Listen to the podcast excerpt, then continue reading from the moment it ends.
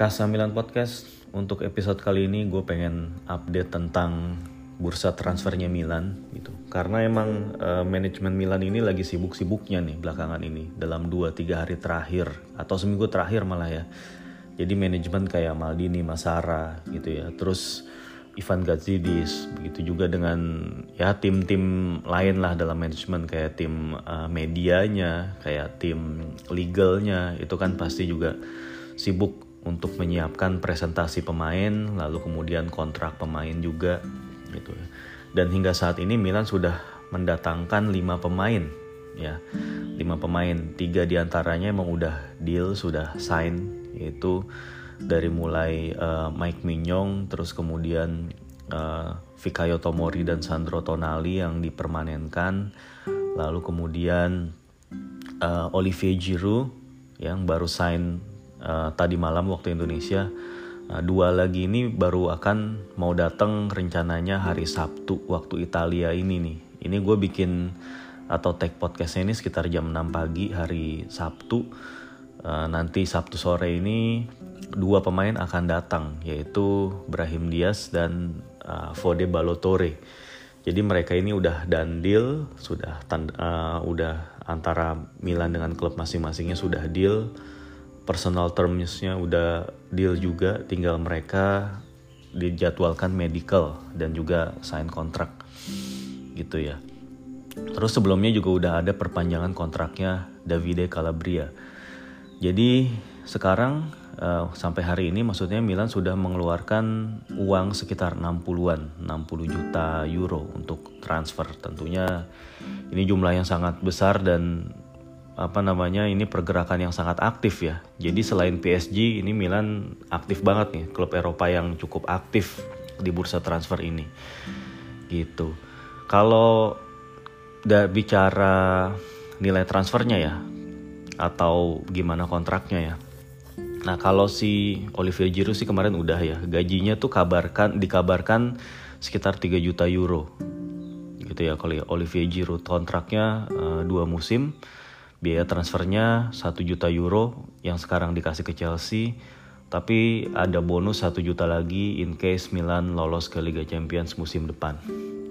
Sementara kalau si Brahim Diaz itu setelah musim lalu dia itu dry loan ke Milan dari Madrid nah musim ini dia juga kembali menjalani pinjaman lagi. Tapi bedanya sekarang pinjamannya itu 2 tahun dia dengan opsi beli sebesar 22 juta euro.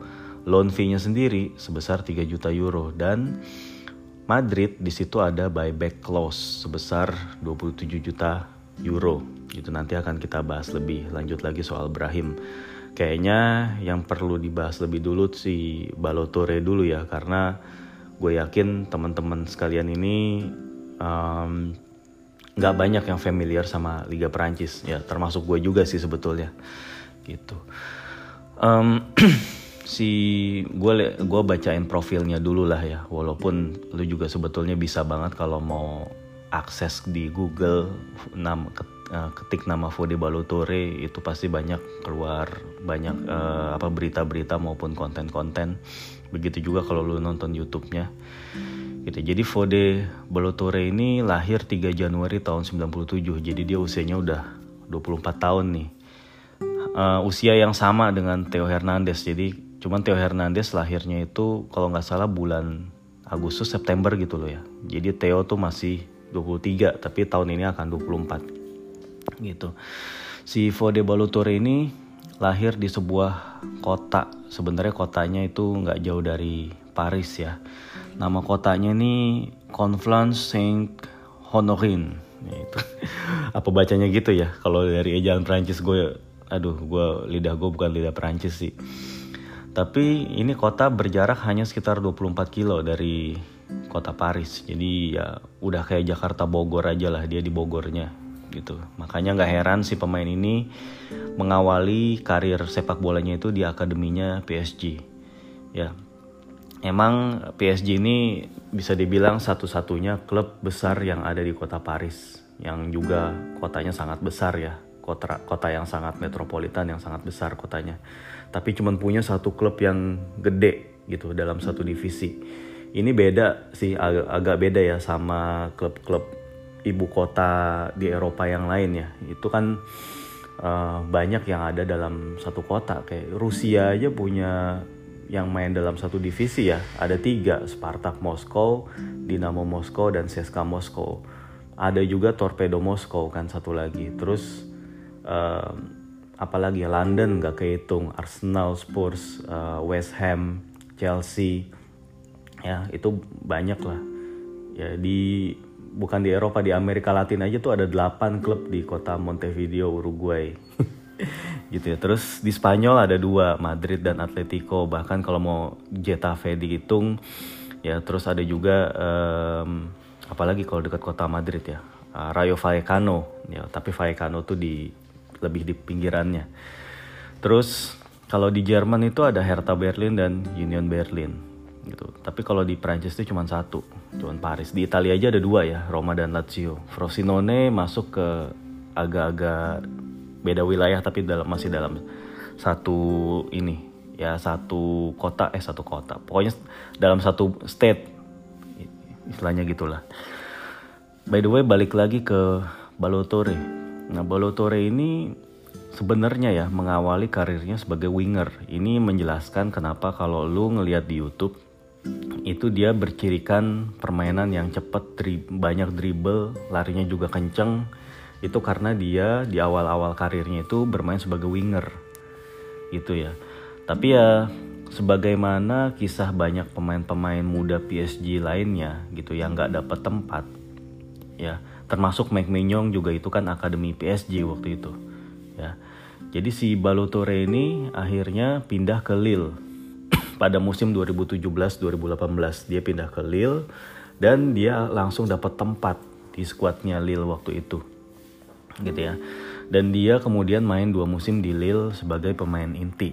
Jadi udah usianya waktu itu masih muda ya. Jadi waktu waktu dia pindah ke Lille itu usia 20 tahun dan dia jadi pemain inti Lille.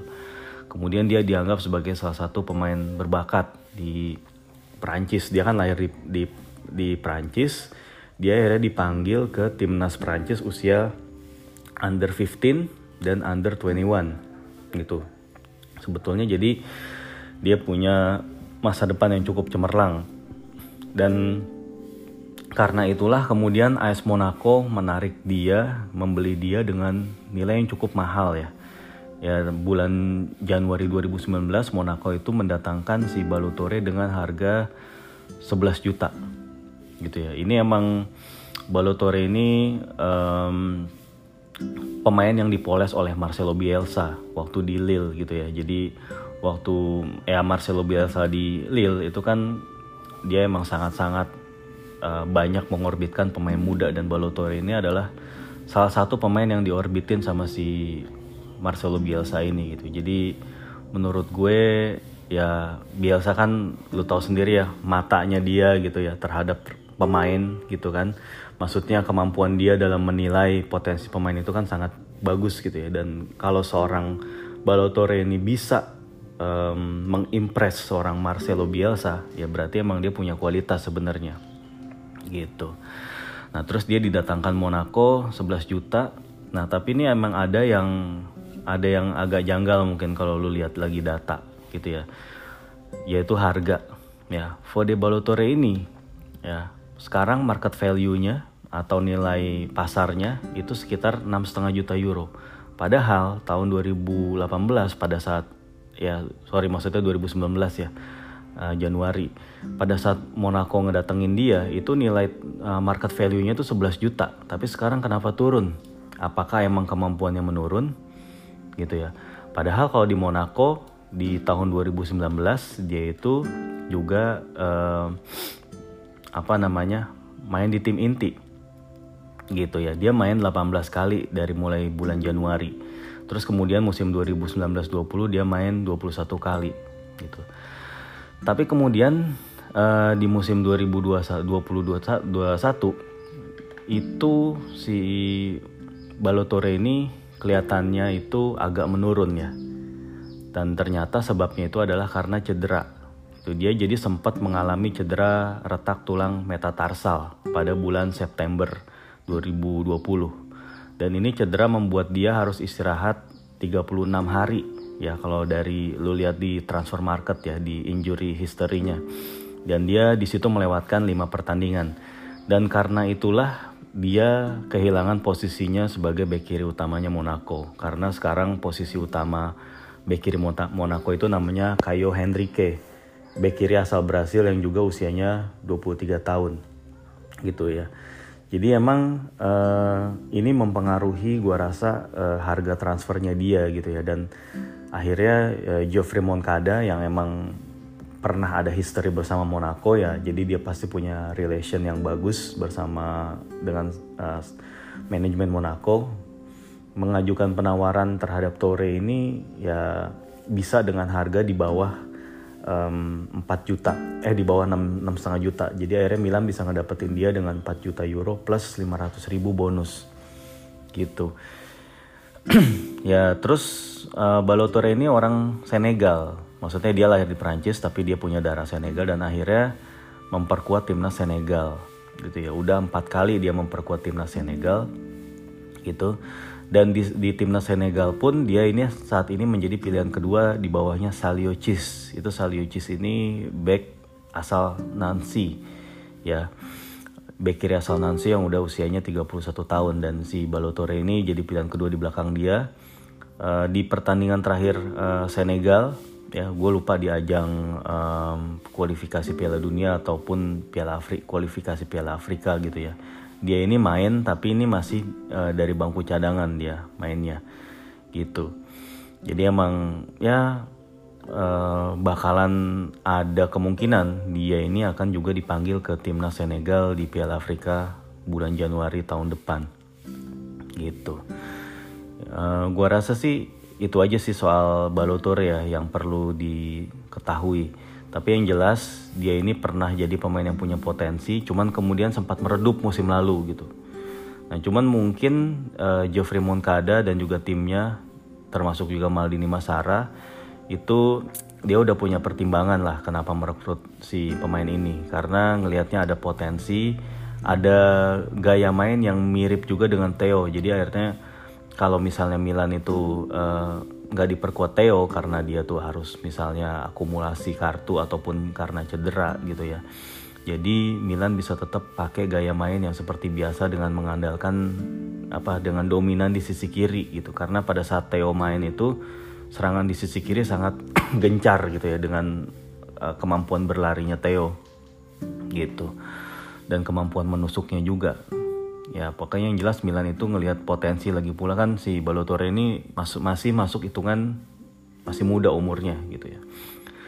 Nah di sini kemudian gue pengen bacain pertanyaan pertanyaan-pertanyaan atau uh, mention dari teman-teman di Twitter terhadap Balotore dan juga Brahim Diaz. Ini Balotore dulu deh.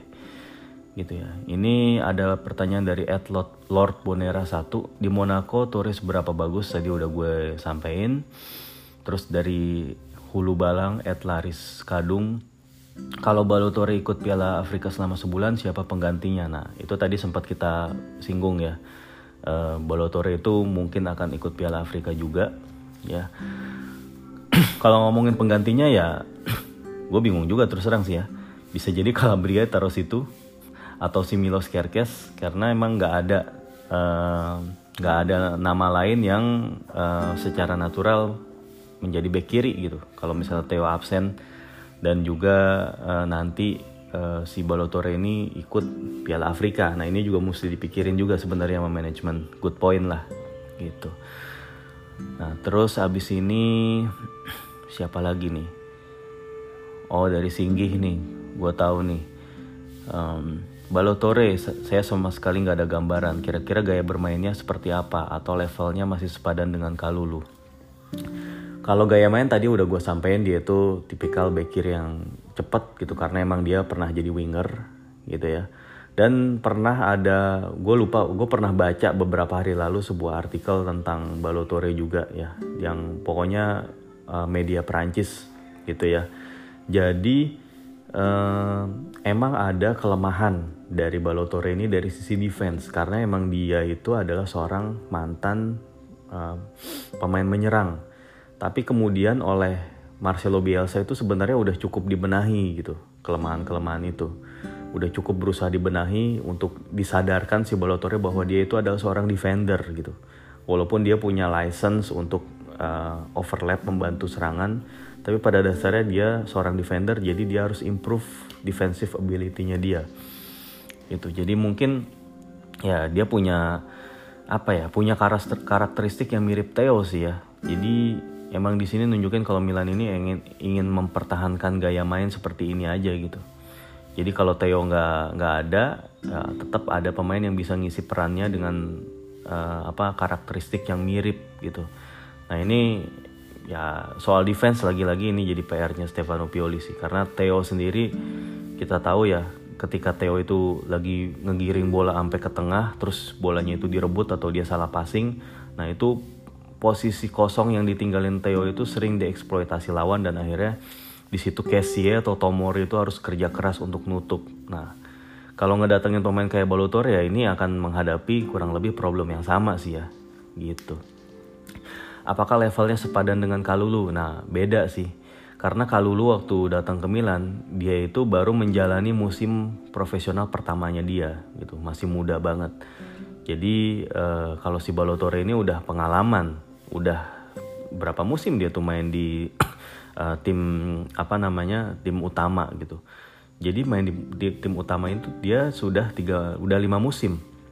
Jadi bisa udah bisa dibilang levelnya itu ya udah di atasnya Kalulu lah. Gitu. Oke. Okay. hmm, dia ini akan jadi pelengkap atau enggak? Ya jadi pelengkap. Ya jadi pelapisnya Theo sih kemungkinan ya Terus kemudian siapa lagi nih? Dari at Matt Newbie. Matt Newbie ya, Matt Newbie 39. Jika sudah dapetin Balotore, apakah Petzela bakal tetap dikejar? Ya gue rasa enggak. Karena Petzelanya sendiri, uh, Giuseppe Petzela ini ya, bukan Jerman Petzela. Giuseppe Petzela ini udah dekat dengan Sampdoria kabar terakhir. Gitu. Terus kemudian Bentar, gue scroll dulu. Nah ini masih soal Balotore dari D underscore Hanif. Sebelum deal dengan Balotore, Milan sempat dirumorkan mengejar Giuseppe Pezzella sebagai vice-nya Theo. Siapa yang lebih cocok dengan skema Pioli dan lebih worth untuk direkrut? Nah, ya kalau gue sih menilainya dua pemain ini punya plus minus lah ya. Kalau si Giuseppe Pezzella kan udah tahu Serie A gitu dan dia orang Italia juga yang bisa mengurangi uh, slot kuota national home ground gitu ya. Terus Pezzella juga kemarin nyumbangin uh, tiga asis atau empat asis ya, empat asis dan satu gol di Parma. Tentunya itu kalau dari angka cukup bagus gitu ya tapi akhirnya manajemen end, end up dengan milih si Balutore gua rasa uh, karena berbagai pertimbangan juga selain yang pertimbangan teknis yang tadi gue bilang harga juga ya harga lebih murah ya. Harganya Balutore itu setengahnya dari yang diminta pet, uh, diminta Parma terhadap Petzela yaitu sekitar 8 juta. Tapi gua nggak tahu nih Sampdoria dapatnya berapa nih. Nah ini menarik juga sih sebenarnya tapi ini kayaknya uh, Balotore ini di apa dibeli didatangkan dengan pertimbangan-pertimbangan yang lebih teknis sih kalau menurut gue. Karena kalau Giuseppe Pezzella itu kalau gue ngelihat mainnya dia ya menurut gue biasa aja gitu. Dia sebagai back kiri nggak punya kelebihan-kelebihan yang kayak dipunyai back kiri Itali lain lah kayak Federico Di Marco. Kayak kalau Di Marco itu kan punya kemampuan uh, set piece yang bagus ya gitu ya. Tapi kalau si Petzela ya di bawahnya di Marco lah gitu. Apakah Balotelli akan sebaik Dalo sebagai backup? Ya beda karakter sih ini beda pemain beda tipe beda tipikal bermain lah. Kalau Diogo Dalo itu kan sebenarnya dia back kanan tapi yang diminta main jadi back kiri tapi terus dia bisa gitu. Kalau Balotelli kan emang dia back kiri gitu. Terus ya ini nih dari Ed Bagus Anto. Bagos Santo. Ya. Permainan Balotore gue liat di YouTube dua kali blunder on goal tahun 2018-19 dan permainannya mirip-mirip Erik Abidal semoga. Ya mudah-mudahan aja. Tapi kalau gol bunuh diri, gue sendiri belum lihat sih. Gue belum lihat uh, video gol bunuh dirinya si Balotore yang dimaksud. Tapi kan yang namanya gol bunuh diri itu bisa jadi emang itu kejadian yang unfortunate ya apes aja gitu. Dia ada di posisi itu atau apes aja dia pengen menyelamatin gawang tapi malah masuk ke gawang sendiri. Tentunya gol bunuh diri itu um, apa namanya beda dengan blunder ya. Apakah gol bunuh diri itu sama dengan blunder? Menurut gue beda sih kalau blunder itu misalnya lu salah passing, bola direbut lawan jadi gol atau lu melakukan tackle yang reckless jadinya dapat penalti atau dapat free kick atau ya jadi dapat uh, sesuatu yang tidak menguntungkan tim lu gitu. Tapi kalau gol bunuh diri itu nggak selamanya karena blunder. Bisa jadi emang ada uh, timnya nih secara secara tim ya itu lemah dalam koordinasi sehingga terus bola datang uh, dan si Balotore berusaha untuk menghalau tapi malah masuk ke gawang sendiri. Itu kan apa saja dia kayak gitu. Itu sih. Itu ini berdasarkan yang biasanya gue lihat aja. Tapi ini dalam uh, particular situation yang tadi disebutin gue emang nggak nggak ngeliat. Jadi gue nggak bisa komen banyak sih sebetulnya selain pertimbangan harga tadi ya ini tadi ada pertanyaan juga apa yang bikin Balotore jadi pelapis Theo selain pertimbangan harga? Yaitu tadi pertimbangan teknis yang gue bilang. Gitu. Nah ini terus dari Milanisti Culture gue kenal juga nih. Uh, musim lalu katanya Kerkes yang akan dipromosikan. Dengan datangnya Balotore, gimana peluang dia dapat debut senior? Dan bagaimana dengan Calabria? Apakah Kalulu cukup bagus atau cari pemain lain? Kalau ya Balotore datang tentunya peluang Milos Kerkes untuk nembus tim utama ya makin kecil sih harus dibilang ya. Tapi kan Milos Kerkes ini kan masih muda banget masih berapa ya? 19 ya? Atau 20 masih muda lah masih masih panjang perjalanan dia jadi ya dia bisa tetap main di Primavera. Dan gue yakin kalau dia impresif main di Primavera ada jalan lah dia bisa naik ke tim utama. Misalnya kalau kalau pas Balotorenya itu lagi dipanggil ke Piala Afrika ada peluang juga. Deputi Calabria, Kalulu cukup bagus. Ya menurut gue Kalulu ya secara defense oke. Okay, tapi kalau dari sisi ofensif menurut gue masih banyak yang perlu diimprove. Kayak soal crossing, soal umpan passing-passing, decision making, kemampuan untuk nusuk, speed ya lumayan lah. Yang perlu diimprove oleh Pierre Kalulu. Tapi cukup cukup bagus lah menurut gue dia. Ada ada bakat. Tapi emang untuk musim ini perlu Milan itu pemain yang lebih siap sih, pemain yang lebih pengalaman. Makanya uh, Diogo Dalo dikejar lagi, tapi kayaknya agak sulit MU maunya dibeli gitu ya. Dan akhirnya Milan itu muncul uh, memunculkan nama Alvaro Odriozola itu backnya Real Madrid. Ya tapi Odriozola itu kan juga udah pengalaman dan udah lebih tua dari Calabria kalau nggak salah. Dan kalau gue ngeliat Odriozola itu emang bagus dalam nyerang, ya dalam bertahan ya so-so lah gitu. Tapi yang gue lihat dari cara bermainnya Odriozola itu adalah dia termasuk one footed player menurut gue dia emang dominan kanan tapi dia itu jarang banget menggunakan kaki kiri bahkan untuk passing kalau gue sempet lihat beberapa permainannya gitu ya. Jadi dia harus kutak-kutik lagi balik ke kanan passing pakai kaki kanan gitu. Ya itu emang udah jadi jadi ciri permainan dia ya asalkan dia emang bisa manage itu ya nggak apa-apa. Tapi kalau uh, menurut gue ya kalau misalnya dia bisa menggunakan kaki kirinya juga dengan sama baiknya itu akan lebih efisien sih cara bermainnya. Karena kan ya kalau lu harus ngutak-ngutik bola itu ke kaki kanan dulu itu kan akan apa ya ngabisin waktu gitu. Nah terus um, siapa lagi nih? Udah sih gue rasa itu pertanyaan tentang Balotore ya Terus kita berlanjut ke Brahim Diaz. Tadi Brahim Diaz sebagaimana dibilang itu loan lagi 2 tahun tapi ada opsi beli kali ini. Nah ini ada pertanyaan dari dia follow news at ACM Indo. Nah ini juga gue kenal nih. Gitu. Hitung-hitungan biaya Brahim dan dampaknya ke neraca keuangan Milan terlebih kalau dia ditebus dan ditebus balik gitu. Kalau biayanya Brahim ini karena loannya itu dengan opsi gitu ya. Menurut gue sih kalau untuk loan fee-nya tetap di expand, maksudnya dibiayakan sekaligus di tahun ini. Gue nggak gua nggak yakin apakah loan fee-nya ini masuk ke amortisasi atau enggak sih. Terus terang gue belum belum segitu ngelihatnya kalau loan itu akan digimanain nih. Loan fee ya loan fee gitu. Tapi kalau soal um, biaya transfer. Kalau misalnya dia tuh ditebus Milan gitu ya ditebus Milan uh, dua tahun lagi ditebus Milan sebesar 22 juta euro. Ya berarti kan seperti biasa uh, tahun 2023 berarti ya 2023 nanti Milan akan membukukan amortisasi.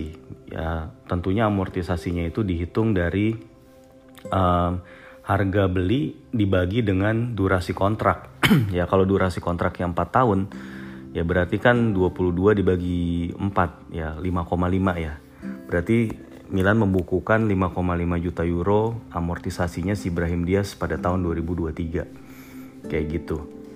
Ya tentang amortisasi dan plus Valencia ini gue sarankan lo dengerin salah satu episodenya San Siro Podcast ya yang ada ngebahas satu episode tuh di mana si Mas Benny sebagai hostnya San Siro Podcast itu ngundang salah satu temennya yang juga apa punya profesi atau bekerja di bidang accounting jadi dia emang paham banget teknis tentang perhitungan ini dan lu bisa dengerin dengan uh, dengan contoh yang sangat-sangat simpel dan gampang dipahami sih menurut gue ini kayak si temennya si Mas Benny itu ngasih training finance for non finance gitu. Itu kalau di kantor lu pasti sering dengar istilah itu. Atau kalau lu lihat di materi training di penyedia training di mana-mana ya lembaga penyedia pelatihan gitu. Itu ada tuh finance for non finance jadi emang untuk orang-orang yang bekerja di bidang di luar finance tapi mereka butuh pengetahuan tentang finance nah mereka perlu belajar tentang ini gitu.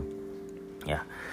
Terus kalau dia ditebus balik oleh Madrid nah kalau dia ditebus balik ya berarti um, ya Milan membukukan penjualan gitu.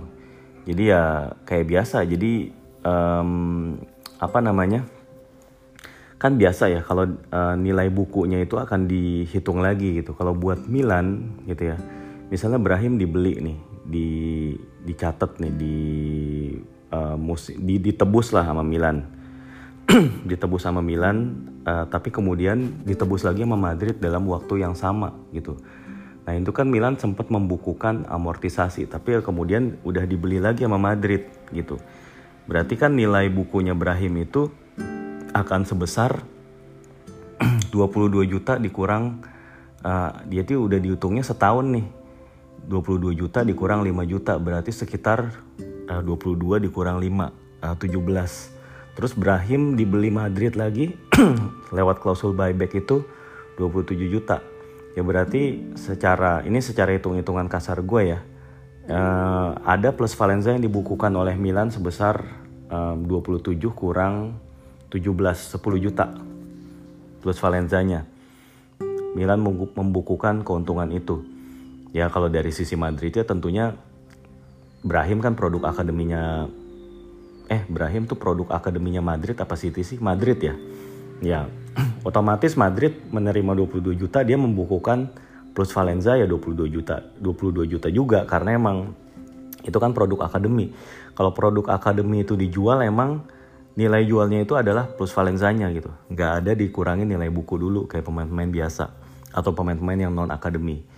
Nah terus Madrid ngebeli uh, ngebeli lagi Brahim gitu 27 ya berarti mereka harus membukukan lagi amortisasi. Setelah Madrid itu membukukan plus Valencia 22 mereka harus membukukan lagi amortisasi Brahim sesuai dengan cara perhitungan yang tadi. Kayak gitu. Cuman emang gue juga bingung uh, buybacknya itu berlaku berapa lama atau ada expired atau enggak ini belum ada keterangan. Karena waktu itu sempat uh, sebelum ini ya semingguan semingguan lalu lah itu kan beredar uh, buybacknya si Brahim itu juga ada di tahun yang sama pada saat Milan itu harus nebus gitu. Artinya jadi jadinya kalau Madrid itu mau buyback itu harus cepat juga keputusannya harus barengan sama bukannya barengan sih harus di tahun yang sama dengan pada saat tahun Milan ngebeli Brahim gitu. Jadi itu kayak kayak semacam uh, Madrid itu kayak ngebalikin loan fee-nya Milan gitu. Karena kan kalau dari dilihat dari transfer ininya aja ya Milan itu bayar ke Madrid totalnya 25 nah Madrid itu um, bayar 27 berarti kan ada selisih dua tuh itu menurut gue itu sama aja artinya dengan Madrid itu bayar 20 eh 2 juta itu selisihnya itu tadi ya untuk uh, quote unquote nyekolahin Brahim di Milan. Gitu jadi supaya Milan dapat menit eh supaya Brahim dapat menit bermain uh, Madrid itu ngebayar Milan 2 juta euro lah. Lu tolong kembangin pemain gue nih. Nah terus akhirnya dia memanen dengan 27 juta itu tapi ya dia udah keburu membukuk eh, apa uh, Madrid Madrid itu udah dapetin uang transfer 22 juta duluan dari Milan gitu ya. Pokoknya ini sebenarnya skema yang menguntungkan secara finansial maupun teknis dari uh, untuk kedua belah pihak nih. Jadi dua-duanya ini untung menurut gue. Gitu. Terus ada pertanyaan apakah Brahim tidak cukup baik sebagai nomor 10? Tidak cukup baik ini pertanyaannya dari Ed Lingom. Yang menurut gue cukup baik gitu ya tapi apakah cukup baik sebagai pemain inti? Nah, itu ntar dibahas dulu nih. Gitu. Terus, nah ini ada pertanyaan juga dari Dennis Barker. Ini uh, apakah beranikah Pioli mengasih kepercayaan ke Brahim Diaz buat gantiin peran Calhanoglu gitu ya? Ya itu menurut gue dengan Milan itu um, segitu niatnya ngedatengin Brahim Diaz gitu ya. Menurut gue ini udah ada kepercayaan dari Pioli. Tapi apakah percaya sampai benar-benar Brahim itu jadi pemain inti banget di skema 4-2-3-1-nya Pioli gitu ya. Artinya pemain regular starter gitu ya. Itu menurut gue belum karena ya sampai saat ini Milan emang masih nyari lagi si sosok nomor 10 penggantinya Hakan. Jadi gue rasa Brahim itu tetap perannya seperti musim lalu pelapis cuma emang dikasih lebih banyak menit bermain aja menurut gue gitu. Terus siapa lagi ya? Ya ini nih dari eh, dari Willy Octavianus apakah Brahim layak dikasih nomor 10 yang menurut gue ya ini menurut gue sih uh, jangan dulu lah karena dia masih terlalu muda gitu ya kalau dia dikasih nomor 10 terus dia dikasih tanggung jawab yang segede itu menurut gue takutnya itu jadi beban dari uh, buat dia. Mendingan ya dia tetap kayak kemarin aja pakai nomor 21 ya itu menurut gue sih ya. Dan dia dimainkan ya jadi pelapis. Tapi ya lebih sering juga main gitu dibandingin musim lalu. Terus uh, ini dari Erlangga Brahim kan seneng cari seneng lari, cari posisi dan dribbling. Apa sebaiknya dia diposisikan sebagai winger kanan? Karena nampaknya banyak orang yang suka dia sebagai trequartista. Sementara di beberapa game sebagai trequartista musim lalu sering biasa aja, tak sebagus bermain winger.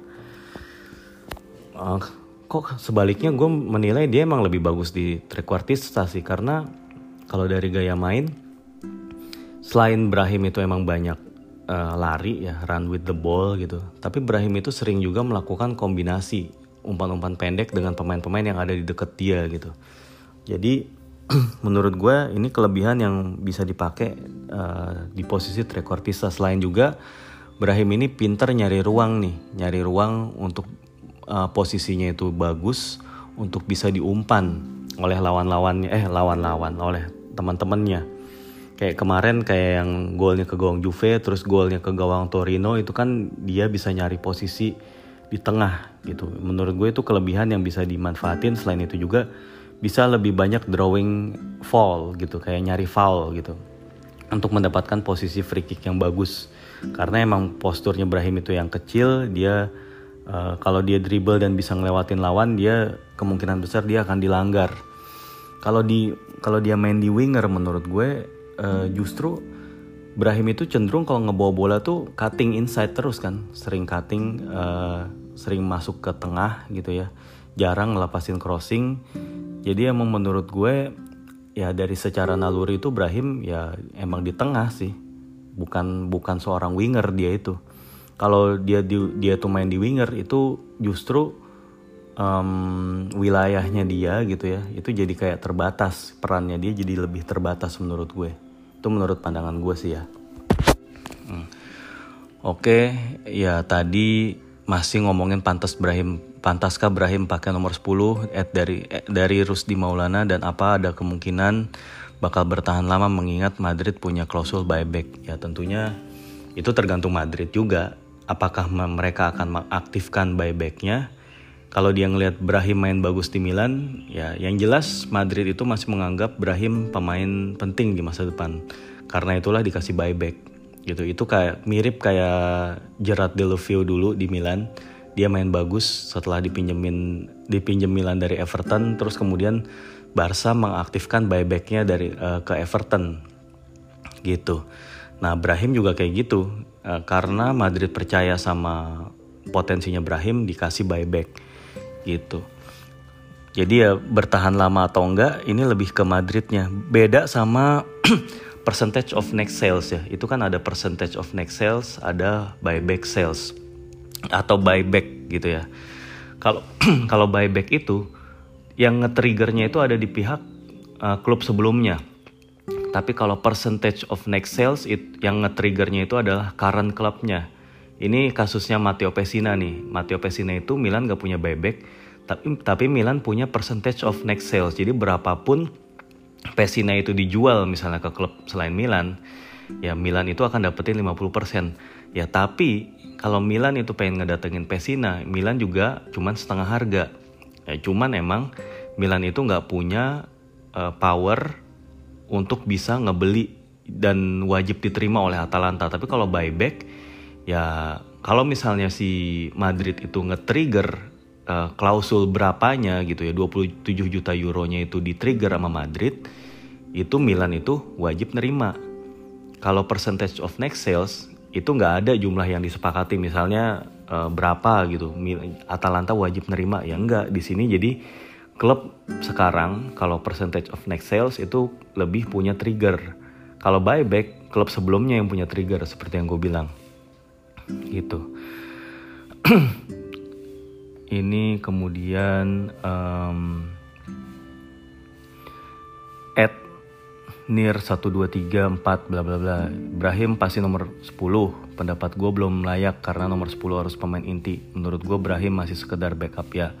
Ya setuju yang tadi gue bilang ya. Tapi kalau sekedar backup doang sih enggak gue rasa. Dia akan lebih banyak perannya sebagai pemain rotasi. Gitu Terus ini ada yang reply juga dengan keluarnya Hakan Calhanoglu dan ngebetnya Brahim, Milan untuk permanenin Brahim itu mengindikasikan dia nggak cuma jadi cadangan, dia bakal jadi starter. Nah, kalau sekedar cadangan iya, tapi kalau starter, maksudnya jadi starter utama, menurut gue juga enggak. Yang tadi gue bilang squad rotasi sih menurut gue, tapi tergantung dengan pemain yang akan didatangkan Milan di posisi nomor 10. dari Ed Erisco. Ini sama nih pertanyaannya nih tadi.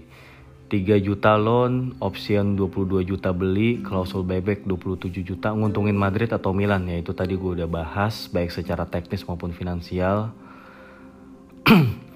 Ed Fajar Saputra kalau dilihat dari stay-nya Brahim di Milan berarti peluang Vlasic join itu kecil secara gaya main keduanya sama doyan dribbling tambah movement of the ball Berarti kalau lihat rumor in posisi ini cuma Luis Alberto yang beda gaya mainnya. Ya menurut gue itu nggak selalu sih. Uh, Milan itu butuh dua pemain di posisi posisi itu. Jadi kalau emang Brahim tetap didatengin, ya kalau Brahim datang, menurut gue pemain seperti Nikola Vlasic ataupun siapa pun itu nanti itu ya tetap didatengin juga gitu karena emang butuh dua pemain di situ dan belum tentu Brahim ini jadi starter menurut gue kalau kalau Milan bisa datengin pemain lain yang punya kualitas lebih atau punya pengalaman lebih gue yakin dia akan yang jadi starter. Gitu. Terus uh, Milanistic Culture nanya lagi dengan adanya Brahim dan nomor 10 baru yang katanya Luis Alberto tapi kayaknya nggak jadi ya setuju dengan setuju nggak dengan perekrutan Luis Alberto? Ya setuju setuju aja gue mah kalau emang bisa. Tapi kan kenyataannya Alberto baru balik lagi ke training camp. Ya dia minta maaf katanya sama manajemen dan akhirnya uh, ikut preseason. Nah gue nggak tahu nih uh, settlementnya gimana? Apakah Alberto akan tetap masuk squad atau justru masuk daftar jual? Ya kalau emang ada peluang bisa ngedatengin dia dengan harga yang emang pas buat kondisinya Milan gitu ya. Ya menurut gue ya kenapa enggak untuk dicoba? Karena Alberto itu jelas upgrade-nya Hakan Calhanoglu menurut gue tapi ya untuk saat ini menurut gue peluangnya agak sulit karena harganya mahal. Um, peran Krunic musim depan. Nah ya Krunic sih si Palu Gada lah ya. Apa lu mau gue ada buat Pioli disuruh main di mana pun dia bisa gitu. Dengan bermodalkan determinasi dan juga ya permainan yang simple-simple gitu. Ya menurut gue ya Krunic emang lebih bagusnya pos di sebagai nomor 10 daripada dia sebagai Mezzala sih menurut gue. Karena kalaupun dia di Mezzala dia sering tackle-nya telat malah jadi kena kartu kuning dan lain-lain kayak gitulah. Gitu. Terus masih dari Singgih nanya lagi nih, uh, jika playmaker itu akan ada dua orang antara Brahim Vlasik ataupun Brahim dengan yang lain, ya misalnya Luis Alberto gitu. Kalau ya jadinya yang masuk Vlasik, siapa nantinya yang akan jadi pemain reguler? Apakah Brahim karena Vlasik perlu adaptasi? Ya menurut gue kalau emang beli Vlasik, ya Vlasik yang akan jadi pemain inti menurut gue. Karena ya pastinya harganya lebih mahal dari Brahim dan udah gitu ya dari sisi pengalaman itu lebih lebih banyak pengalamannya Vlasik waktu itu lupa sempat ada yang bilang bahwa ya Vlasik cuma main di Liga Rusia itu kurang banget pengalamannya dan belum pernah main di level tertinggi ya emang walaupun main di Liga Rusia gitu ya tapi Nikola Vlasik ini ya gue sedikit gue kan pernah sedikit ngikutin Liga Rusia belakangan ini emang agak jarang tapi pernah intens waktu tahun 2015an ya ngikutin Liga Rusia gue 15 sampai 2018 kalau nggak salah. Jadi kalau ngomongin skuadnya CSKA Moskow ini, CSKA ini kebetulan emang kalau di di Rusia itu tim favorit gue CSKA Moskow. Jadi eh, CSKA Moskow ini sangat mengandalkan Alexander Golovin dan juga Alan Jagoyev. Lo mungkin familiar sama dua nama tadi, terutama Alexander Golovin ya. Dan setelah Golovin itu pergi, Nikola Vlasic itu uh, benar-benar bisa mengemban peran yang uh, sama baiknya atau dalam satu satu atau dua hal mungkin lebih baik daripada yang disumbangkan oleh Golovin karena jumlah golnya lebih banyak. Vlasic ini menciptakan 33 gol dalam dua musim di CSKA Moskow dan 20 assist.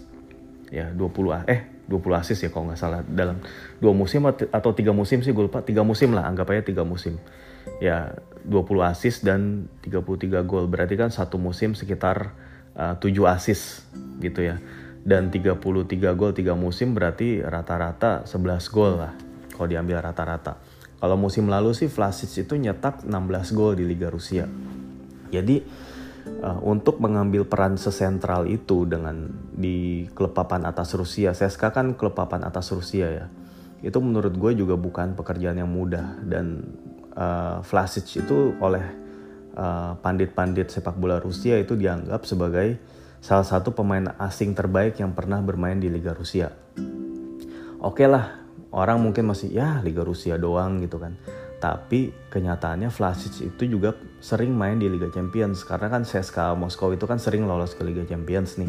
Dan Vlasic itu adalah salah satu pemain yang uh, ketika CSKA Moskow itu ngalahin Madrid ya pernah CSKA Moskow itu ngalahin Madrid di Madrid di Bernabeu 2-1 itu selain Fedor Chalov itu juga Vlasic yang mencetak sebuah gol ke gawang Madrid ya udah sering lah Vlasic itu main di Liga Champions dan belum lagi Vlasic itu kemarin main di Piala Eropa bersama Kroasia jadi menurut gue pengalaman soal pengalaman kontinental pengalaman internasional itu Vlasic itu udah punya banget dan ini emang sesuai sama request uh, manajemen bahwa pemain nomor 10-nya itu uh, harusnya adalah pemain internasional, pemain dengan pengalaman internasional.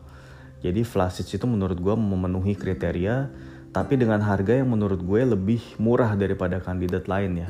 Dari sisi harga maupun gaji. Ya kalau harga mungkin dia bisa lebih mahal karena dia masih muda. Uh, he's got uh, another ceiling gitu ya di atasnya dia gitu dia masih bisa berkembang lagi jauh lebih bagus sementara pemain-pemain lain yang disebutin sebagai uh, salah satu kandidat juga ya kayak Isco, Coutinho, James Rodriguez ataupun sempat Dusan Tadic yang akhirnya Tadic itu memperpanjang kontrak di Ajax. Atau Josip Ilicic lah ataupun Papu Gomez. Itu pemain-pemain yang udah finish article atau pemain-pemain yang emang udah mentok gitu ya. Eh, skillnya udah nggak bisa ningkat lagi dari itu. Sementara sementara Vlasic itu dengan usianya masih 23 tahun itu masih panjang perjalanannya dan masih bisa dibentuk gitu apalagi uh, dia akan setim lagi dengan Rebic ya udah biasa main bareng di timnas ya menurut gue Vlasic itu tetap akan jadi pemain inti kalau dia jadi didatengin. Ya, itulah sekalian ada ulasan sedikit tentang Nikola Vlasic. Ya, tapi nanti kalau misalnya gitu dia jadi datang atau siapa pun lah yang akan datang di posisi nomor 10, gue akan insya Allah bikin episode podcast yang lagi. Ya, um, oke. Okay. Gua rasa itu aja sih episode kali ini. Paling ya uh, tadi uh, apa namanya kalau ngomong-ngomong soal di Twitter tadi ada yang mention juga. Come on man. Olivier Giroud dibilang uh, apa namanya nothing. Olivier Giroud cuman bagus di bola-bola atas gitu. Aduh mungkin lu harus menurut gue sih ya maaf maaf aja nih nonton lebih banyak lagi gitu karena pemain bola itu nggak cuma dilihat dari rekor gol ataupun rekor apa ya memenangkan bola di udara lu harus lihat aspek permainan yang lain lah.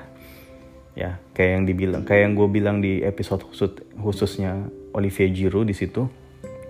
Giroud ini pintar nyari ruang terus bisa melakukan layoff melakukan apa namanya uh, memantulkan bola.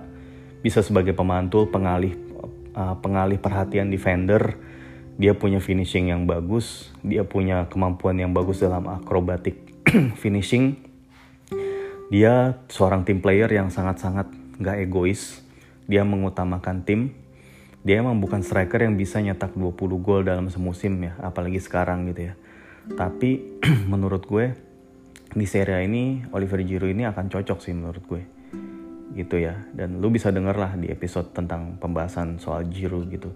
Jadi yang menurut gue ya gimana ya kalau emang mau berkomentar gitu ya lihat-lihat dulu lah. Olivier Giroud lagi pula dia juara dunia gitu. Maksudnya kan pas juara dunia sama Prancis itu emang dia nggak nyetak gol nggak nggak ngelepasin banyak tembakan gitu. Tapi peran dia itu untuk ngebuka untuk membuat si Oli apa sih siapa namanya si Antoine Griezmann dan juga Kylian Mbappe itu jadi bagus itu peran dia sangat besar gitu sangat krusial gitu. Kalau nggak kenapa dia bisa jadi pemain inti?